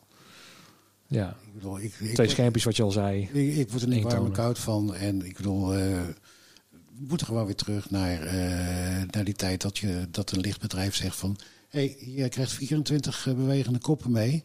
Ja, maar ik heb er met 36 kom ik beter uit. Nee, je neemt er 24 mee. Los het maar op. Wees maar eens een goede lichttechnicus. Ja, ook, nou, maar dat moet je met egootjes en zo achter de tafel. Jammer. Dat wordt nog een dingetje, denk ik. Dat is jammer. Ja. Maar, maar ik, bedoel, ik heb ooit eens een keer een gesprek gehad met, uh, met Marcel van Friendly Fire. Zoiets van uh, hoofdproductie daar. En zei ik van, Marcel, wanneer gaan we gewoon weer terug naar die ene persoon op een podium met een gitaar en één lampje erboven?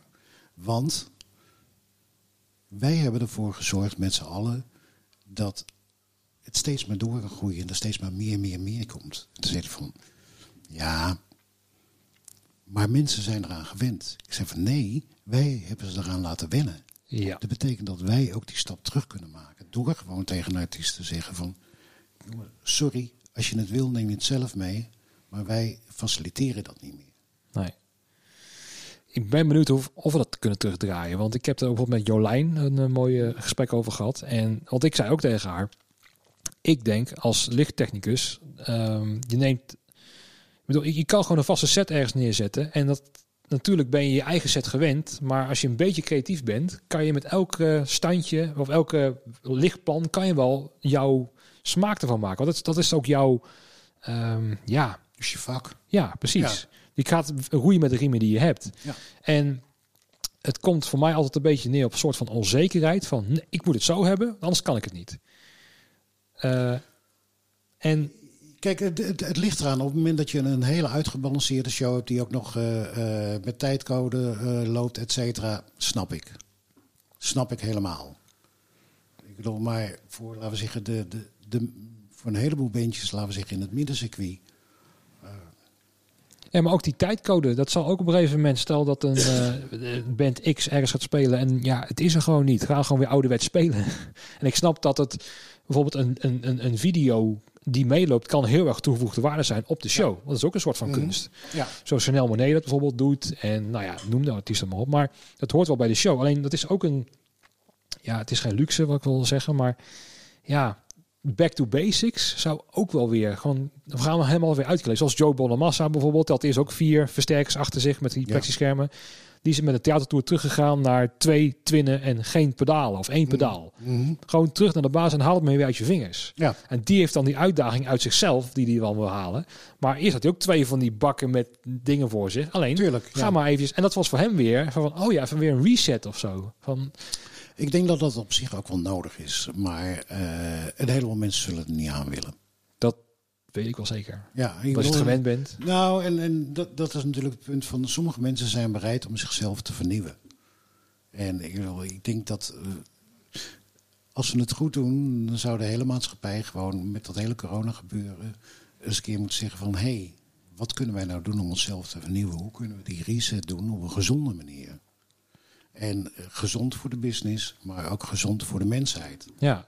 Nou ja, en ook over die trailers gesproken. Hoe gezond is het als je als Paul McCartney eh 62 trailers meeneemt naar een, een festival? Hoe gezond is dat voor het milieu? Hoe gezond is dat voor... Nou, voor Paul McCartney is het zelf wel gezond waarschijnlijk. Maar En voor de crew en voor degene die daarvoor leveren. Dat Ja. snap ik. Alleen als je in de kerk gaat kijken.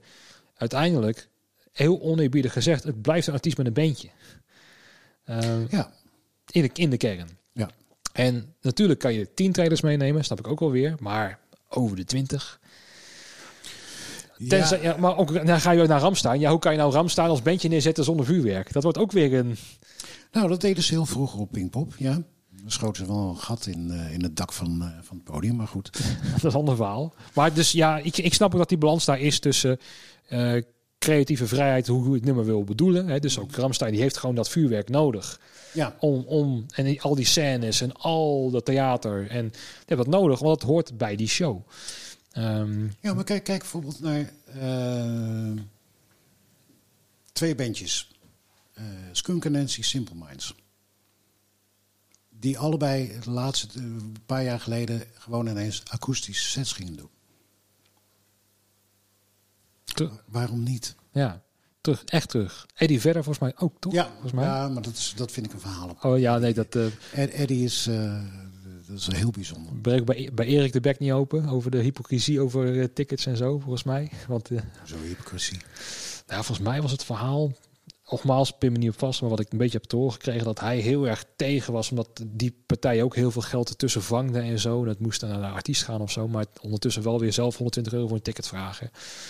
Nou, ik bedoel, la- laten we eerlijk zijn dat. ehm, ik bedoel, dat verhaal ken ik dan niet. Wat ik wel weet is dat hij op een bepaald moment in een aantal dagen in, in Carré stond. En ik hielp hem toen bezig met voornamelijk ticketing en publiekslijnen. En eh, dat op een bepaald moment hij, er, er ook werd gezegd van... hé hey jongens, eh, hij heeft zoveel gastenplekken... Ehm, maar hij wilde op een bepaald moment wilde hij verder naar achter op het podium. Maar ik zei van hele hola, dat kost je je zichtlijnen. Voor de voorste rij. Nee, voor bovenin. Oh, oké. oké. En eh, toen had hij zoiets van, oké, maar hoeveel kost me dat dan? Ik zei van, nou, dat kost je ongeveer zoveel plekken. En nou, management erbij, eh Smitty erbij en bepaald moment Eddie verder zelf ook. Hij zei van, maar wat, wat stel je dan voor? Ik zei van, dat je gastenplekken inlevert. Toen had hij zoiets van, eh, dat is goed, maar dan wil ik dat die mensen daar van boven naar die gastenplekken gaan. Oké.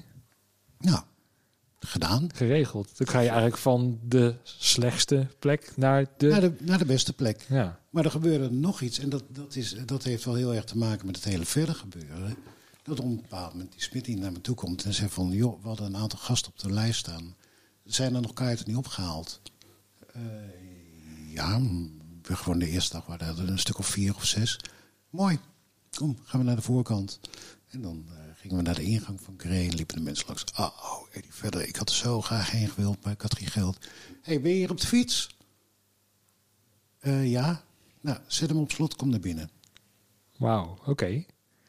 Enige voorwaarde zit op social media dat je hier binnen bent geweest. En dan werden ze inderdaad door de gastheer van Carré naar de derde rij gebracht, weet je wel, dat, dat soort plekken. Ja, dat is toch wel heel bijzonder als je dat dus meemaakt. Ja. En dan heb ik ook zoiets van, je, je kan alle verhalen vertellen. Natuurlijk, het kost allemaal een hoop geld. Ik bedoel, ik bedoel Bob Dylan is ook zo iemand die, die een hoop geld kost. Neil Jong vroeger kost ook een hoop geld. Ja, je moet het er maar voor over hebben. En Nederland betaalt het. Dat is het ding. En dat merkte ik ook zeker in deze crisis. Geld is er. Ja. Dat is het probleem niet. Mensen willen het uitgeven. Ja. Je zag ook volgens mij, ik zag een heel ander verhaal, maar dat bijvoorbeeld de gitaren sales van Fender echt, was nog nooit zo goed geweest.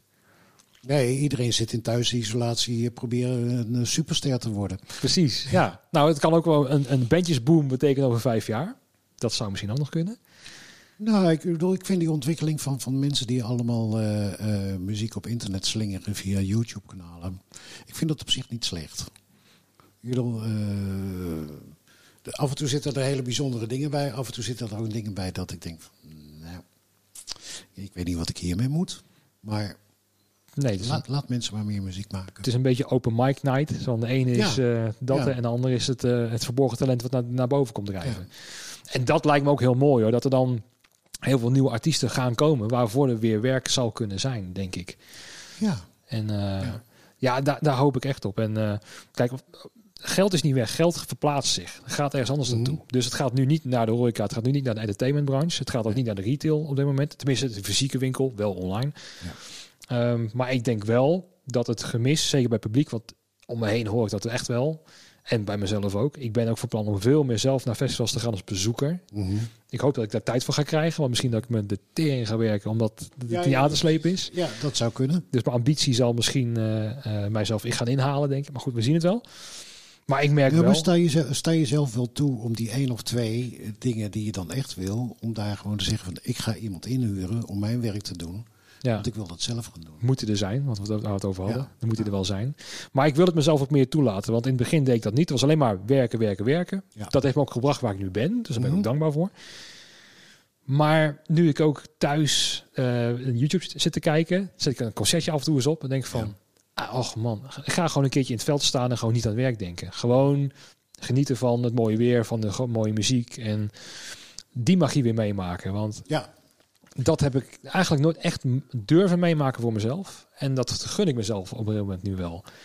Van geef het maar aan jezelf. Nou ja, maar ik bedoel, laten we zeggen, alle mensen die bij ons in het, uh, in het vak werken, die hebben zoiets van echt naar een concert gaan, wat ervoor betalen, weet je wel. Dat, uh, mm Ik heb dat op een bepaald moment wel gedaan. Ik bedoel, ik ben op een bepaald moment naar een Prinsconcert geweest, uh, waar ik echt voor wilde betalen. Want ik wilde helemaal niet via via naar binnen gaan. Nee. Nee, ik, ik wilde gewoon ervoor betalen. Ik wilde bezoeker zijn.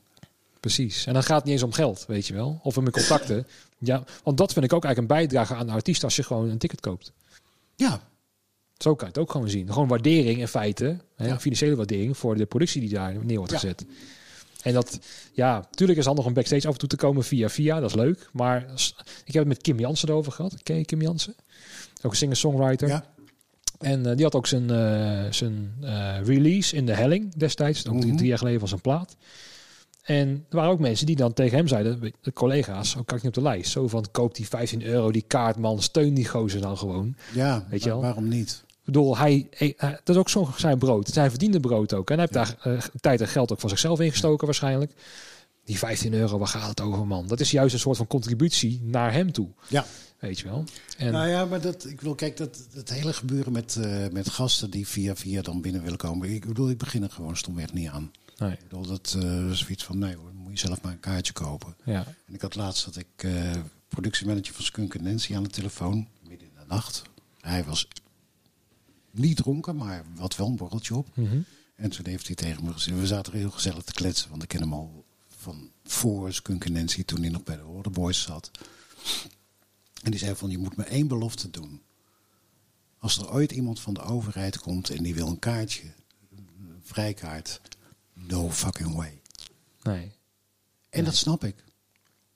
snap ik ook. Ja. Ja, ook weer dubbel, want ik word overeind gehouden door de, door de overheid. Dus het voelt, het, het, het wringt.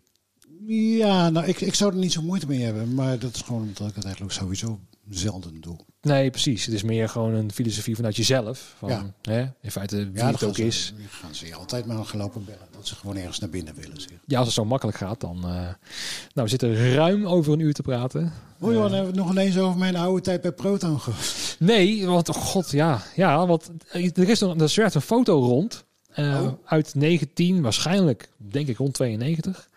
Waar eh, Fred Heuvers, Kabel, jij en de hond, volgens mij, staat ook op die foto. Op, bij de Wit- Witte Vrouwen single. Die foto is er. Die zal ik een keertje naar je toesturen als ik, als ik die kan vinden. Maar voor mij had Erik die op, eh, op eh, gesnord.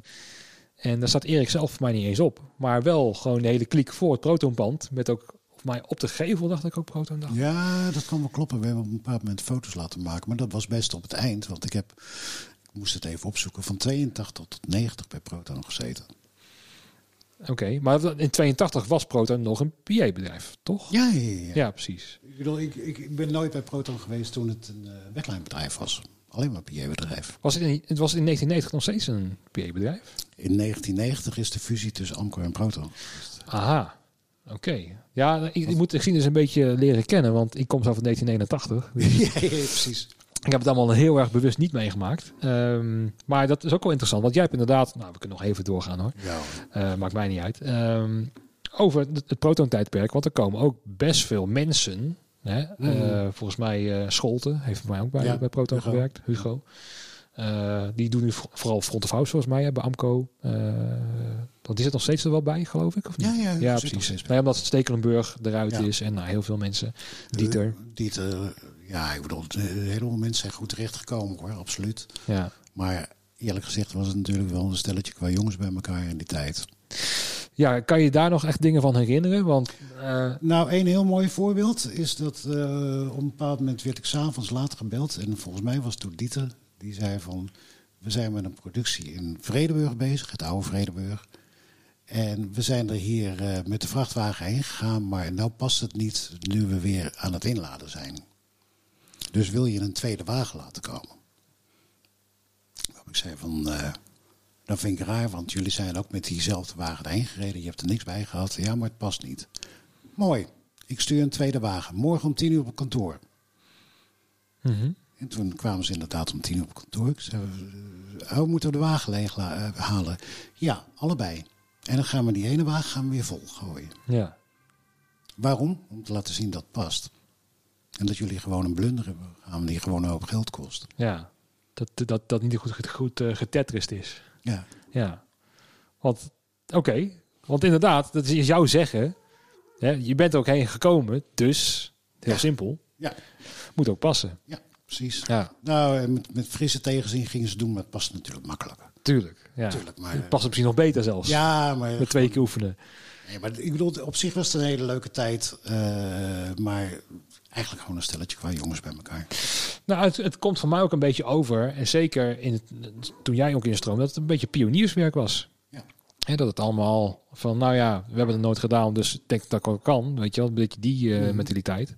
En ook destijds toeren, ook schema's die helemaal niet konden. Weet je wel, dat je, uh, dat je dan ergens in Groningen en dan naar Middelburg moest of zo de volgende dag. En uh, gewoon door, door hakken. Ja. Wat nu helemaal niet meer uh, nee, want, voor te stellen valt. Want, want ik bedoel, je, het was niet zo dat je gewoon maar 10 uur of 12 uur op een dag mocht werken. Nee. Nee, Arbo, wat, wat, wat is dat? Hè? Ja, precies. Uh, het werk moet gewoon gedaan worden.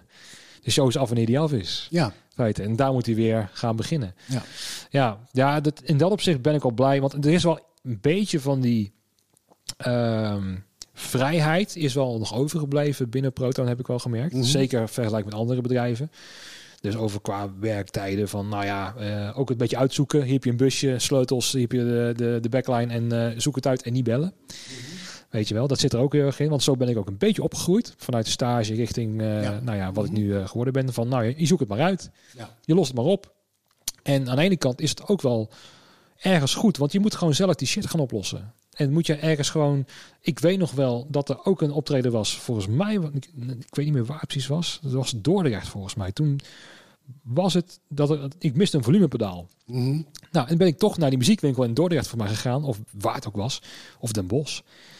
En ik heb mezelf gewoon gekocht. Ja. Want het moet ge- gefixt Ja. worden. En het was geen bospedaal die ze wilden, maar het werkte. Mhm. En ehm, los het maar op. En uiteindelijk die rekening, dat komt later wel. Dat zien we wel. Het komt allemaal goed, maar gewoon praktisch eerst oplossen. En van die tijd heb ik best wel veel geleerd. Er zit ook wel iets positiefs in. Van, kijk, vroeger was het, eh, je had een eh, telefoonboek en een stratenboek. En eh, zoek het uit. Ja. En nu is het zo met Google Maps en met al het internet wat je op in je, in je, in je hand hebt, weet je wel, Mhm. je de smartphone. Zelfs dan wordt er nog naar de zaak gebeld van hoe, wat, is, wat is dat onderdeel? Zo van, nou ja, voer het in een Google en je ziet het, eh, het plaatje direct verschijnen. Nou, ik bedoel, ik vind het belangrijkste dat mensen gewoon zelf blijven denken. Ik bedoel, en, en ik bedoel, natuurlijk, er zijn heel veel middelen. En ik heb het in de protentijd ook meegemaakt. Want je, wordt- je wordt dan inderdaad een soort vraagbaak. En op een bepaald moment gingen ze me bellen om te vragen hoe laat het was. Ja, rot op. Ja, Dan, dan neem ik geen telefoon meer op. Nee. Maar ehm, dat is precies wat jij zei over dat je het gewend raakt als je het maar blijft geven. ja, Hè? Dan raken mensen gewend eraan van, oh ja, hand toch wel de telefoon op en heb je toch het antwoord wel. precies. Terwijl het veel leuker is eh, om juist de creativiteit van de mensen die je om je heen hebt, om die te bundelen en daar iets mee te doen. Ja, Ik bedoel, laat, laat ik je een voorbeeld geven. Eh, ik, ik heb ooit een, jaren geleden een hele bijzondere productie gedaan in Delft. Dat heette Baby Blue. Mhm. Dat was een project van Berry Visser, de, de oude directeur van Mojo. En die heeft mij op een bepaald moment het hele verhaal verteld van wat hij wilde met die voorstelling, terwijl we rondliepen door Delft. Daarna heb ik de voorstelling nooit gezien. Bedoel, ik heb tijdsregie gedaan voor die, eh, voor die productie. eh, maar ondertussen waren het was op meerdere locaties met verschillende mensen. eh, er werkten meer dan 100 mensen aan mee. Ik had een, een ploegje mensen die ik nog van Metropolis kende. Het Metropolis Festival. Die liep er als sidecar rond. En dan met z'n allen dingen gaan verzinnen van... hé, hey, we willen, ik wil dit. Hoe zou dat kunnen? En dan ga je dus de creativiteit van mensen gebruiken. Zoiets van, oh, oh je wil dat. Ehm, wacht even, laat me even rondlopen. En die komen dan terug van, je wil muziek in een, in een, in een soort steeg. Ik heb gezien dat er twee straatputten zijn, zitten. Op het moment dat we nou aan een eh, stukje staaldraad een radio cassette recorder laten zakken, heb je daar muziek, want er zit verder geen stroom. En dan ga je dat soort dingen doen. ja. En als dat gaat stapelen en die energie gaat stromen tussen mensen, je kan zoveel mooie dingen verzinnen. En dat- was sowieso de meest bijzondere voorstelling die ik geloof ik ooit gedaan heb voor mijn leven. Ja, want dan krijg je ook dat je die uitdaging gaat zoeken. Dat je die problemen gaat op, nou, niet gaat opzoeken, maar van kom maar op met die problemen, want we gaan het toch wel oplossen. Ja, maar tegelijkertijd heb je ook het pragmatische. Want er was bijvoorbeeld ook één scène in een van de laatste scènes. Die speelde ergens op een dak. Daar stond een vleugel. En op een bepaald moment zei een van de mensen die, voor, die met me werkte van... Ja, maar we moeten die vleugel afdekken, want het regent vanavond. En Berry had zoiets van... Nee, die vleugel gaat toch wel stuk, dus laat maar gewoon gebeuren. Oké. Maar dat is zo tegen je principes in. Ja. Want eh, je principe is het beschermen van je spullen en het goed houden. Ja, Nee, het mag verweren, want ik heb er nog één. dat is wel bijzonder. Ja, Ja, weet je. en wat, wat de, de- voor, voor mij het hele bijzondere was, is omdat ik wel de voorstelling kende qua inhoud, maar hem nooit gezien had en ik de tijdsregie moest doen, eh, kwam Berry op een bepaald moment naar me toe van, ik wil dat je naar die voorstelling gaat kijken. Toen zei ik van, nee, nee, nee, nee, nee. dit is mijn fantasie. Ja, ja. Dit is mijn fantasie en dat, dat wil ik zo houden. Dat wil je niet eh, met de realiteit Nee, laten ja, vernachelen, zeg maar. Want het zit zo mooi in je hoofd. ja. Ja, ja ik, eh, ik kan nog uren met je doorpraten, heb ik het idee. Leuk hè, zo'n podcast. Ja, ik vind het wel grappig. Ja. ja, ja. Al die oude, oude koeien uit de sloot. Ik, ik moest ook heel erg eh, van de week ook heel erg denken van... Oh ja, wanneer heb ik dat ook weer gedaan en hoe zat het ook weer? En, eh, We zaten hier laatst met z'n tweeën aan tafel. En ik had zoiets van... Goh, wat waren nou de dingen die ik het leukste vond in de laatste twintig jaar? En dus zoiets van, oh, hou op. Ja, ja dan eh, kan je ook weer eh, de avonden mee vullen, denk ik. Met een ja, precies. gezellig drankje erbij. Springen er altijd een aantal uit. Ja. Ik ga ook eh, aan jou de laatste vraag stellen. Ah, De bekende laatste vraag. ja. Ehm, wat mag er wat jou betreft ook verdwijnen samen met corona van alle evenementen slash theaters slash eh, live werk? Allereerst eh, slechte faciliteiten voor invaliden. Oké, Tekort aan zelfspot. Mhm. En. Oké, iets dichter bij de microfoon. Ja. Oké. En tekort aan humor, zei je. Ja. Oké, want dat, dat mis je nog wel een beetje? Dat dat dan, nee, eh, dat, het, het, het mag, er mag gewoon meer humor zijn. Ik bedoel, meer ontspannenheid misschien ook wel. ja, maar humor en ontspannen ligt heel dicht bij elkaar. Ik bedoel, op het moment dat je iemand tegenkomt, al ben je druk bezig. En eh, je kijkt iemand aan en je glimlacht naar iemand. Dat, dat heeft een heel ander effect als wanneer je gewoon met een Norse kop rondloopt. Dat is ook een van de eerste trucjes die ik uithaal. Stel dat er komt vo- voornamelijk een Amerikaanse eh, ploeg binnen. ehm, en die beginnen meteen, where is dit, where, where is that? Meteen naar mij toe, weet je wel. Mhm. Eerst eerst, eh, nou, goedemorgen. Thee of koffie? Ja, Gewoon meteen, ik ben René. En eh, eerst eventjes, Ja. even, even een bakje denken, jongens. En dan goede reis gehad. Gewoon eerst eventjes dalen en even die ontspannenheid erin houden. Want Ja. je moet toch de hele dag met elkaar. Ja, ik, ik vind dat je daar ook duidelijk in moet zijn. Eh, ik, bedoel, ik, ik geloof dat Nederland een heel gastvrij land is voor, voor andere bands en eh, voor andere crews, et cetera. En op het moment dat iemand met een, eh, met een bak ellende binnenkomt en eh, gelijk begint met een eh, van ik wil het zo en zo en zo, heb ik ook zoiets van, eh also good morning, can we try again please? Ja. Zie je dan ook wel dat ze het meteen begrijpen van wat ze dan Oh, zo niet, dan doe ik het gewoon nog een keer. Ja. Totdat het kwartje valt. Ja, Ja. en als het niet valt, dan heb je er helemaal niks aan. Kijk, daar hebben ze. Ja, We gaan, eh, we gaan echt afsluiten, want zometeen dan wordt mijn camera omge, omgetikt, denk ik. Een van deze ja die kans zit er best in. Ja, precies. Daarom. Nee, uh, dankjewel Han voor je tijd. Ja. Het gaat allemaal goed gelukkig. Ehm dankjewel voor je tijd. Eh, luisteraars, kijkers, dank voor het luisteren. En tot de volgende keer. Tot na de pauze.